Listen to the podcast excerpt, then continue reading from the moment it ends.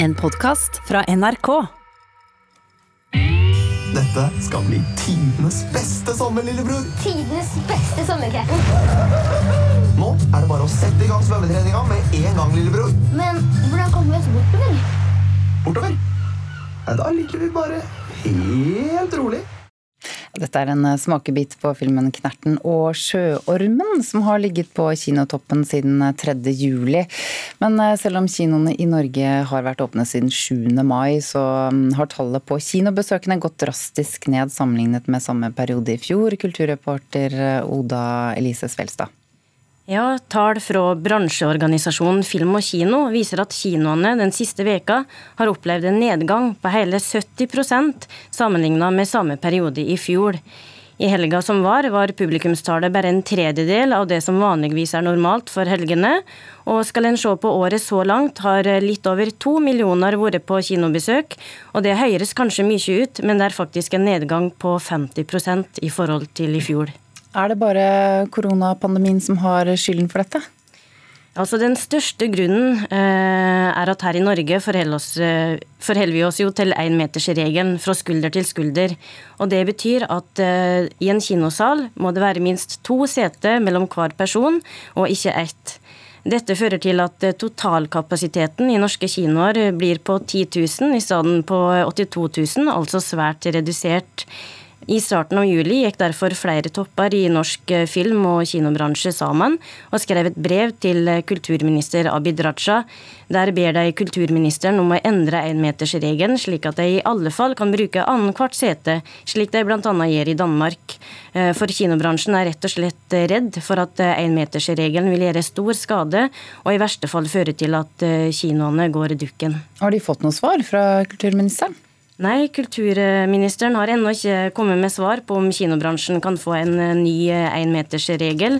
Og sjøl om de skulle få det, så er det enda et problem som gjenstår. Og det er at eh, kinoene trenger de store gigantfilmene for å trekke nok folk. Men fordi publikumstallet er så lavt, både i Norge og globalt, så blir disse filmene utsatt gang på gang, fordi de som står bak, vil jo så klart ha flest mulig publikum. Og et eksempel på det er jo storfilmen 'Tennet', Tenet, som eh, vi snakket om i går. Og premieren har blitt utsatt flere ganger, og nå har medieselskapet Warner Bros utsatt den på ubestemt tid. Så eh, situasjonen for kinoene er veldig usikker nå. Takk, Oda Elise Svelstad, kulturreporter.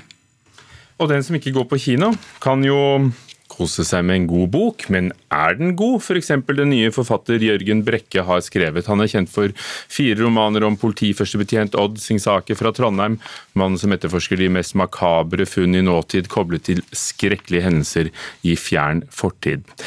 Og så er det kommet en ny frittstående roman nå. Nå har natten alt. Litteraturkritiker her i NRK, Leif Ekle, du har lest den nye boken.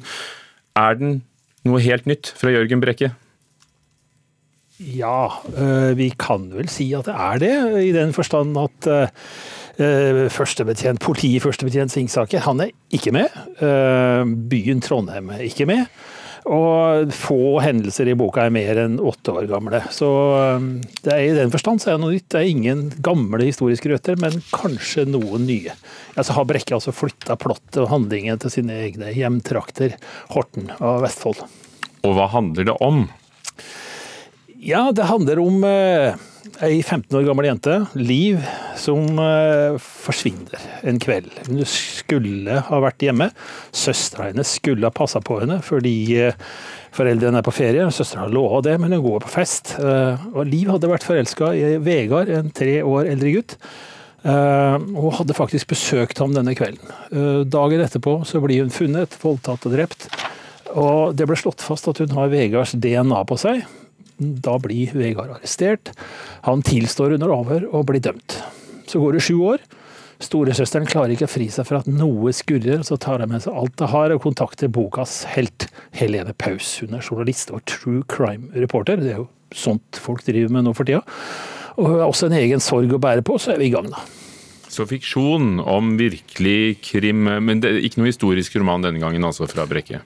Nei, det er det ikke. Dette er en slags sjangerkrysning mellom den tradisjonelle skal vi si, Agatha Christie who done it-greia og den tradisjonelle privatdetektivgreia. Like tradisjonell den, da. Det er underholdende og interessant. da. Referansen til debatten om, for den finnes der, eh, om avhørsteknikker og falske tilstår bidrar til dette. Og bakom der så ligger jo en referanse til Baneheia-saken. Eh, Uten at Brekke tar stilling til det. Men eh, her blir jo det et spørsmål. Jeg fikk litt, Du har lest og anmeldt ufattelig mange krimbøker. Er det en god krim Jørgen Brekke har sluppet fra seg? Ja, i all hovedsak så er det det. Eh, mange av personene er fint og klart tegna. Det er veldig mange av dem også. Eh, boka er satt sammen av mange biter. Den eneste som skurrer for meg, er faktisk hovedpersonen, Helene Paus. Jeg tror kanskje opplegget for boka lager litt lite rom for henne, så hun blir litt blir litt eh, karikert, hun blir litt overfladisk. Hun sier ganske banale ting, og det, det skader nok boka litt. Men ellers så syns jeg den holder vann. Akkurat, så alt i alt. Alt i alt så er det ganske bra. Takk. Riktig underholdende. Takk skal du ha, Leif Ekle, om Jørgen Brekkes eh, nyeste frittstående eh, roman, som eh, ganske enkelt heter Ja, hva heter den? Natten alt. Nå har natten alt. Og så minner jeg om at på nrk.no anmeldelser, så kan du lese ikke bare denne, men alle anmeldelsene våre i alle sjangre. Du har hørt en podkast fra NRK. Hør flere podkaster og din NRK-kanal i appen NRK Radio.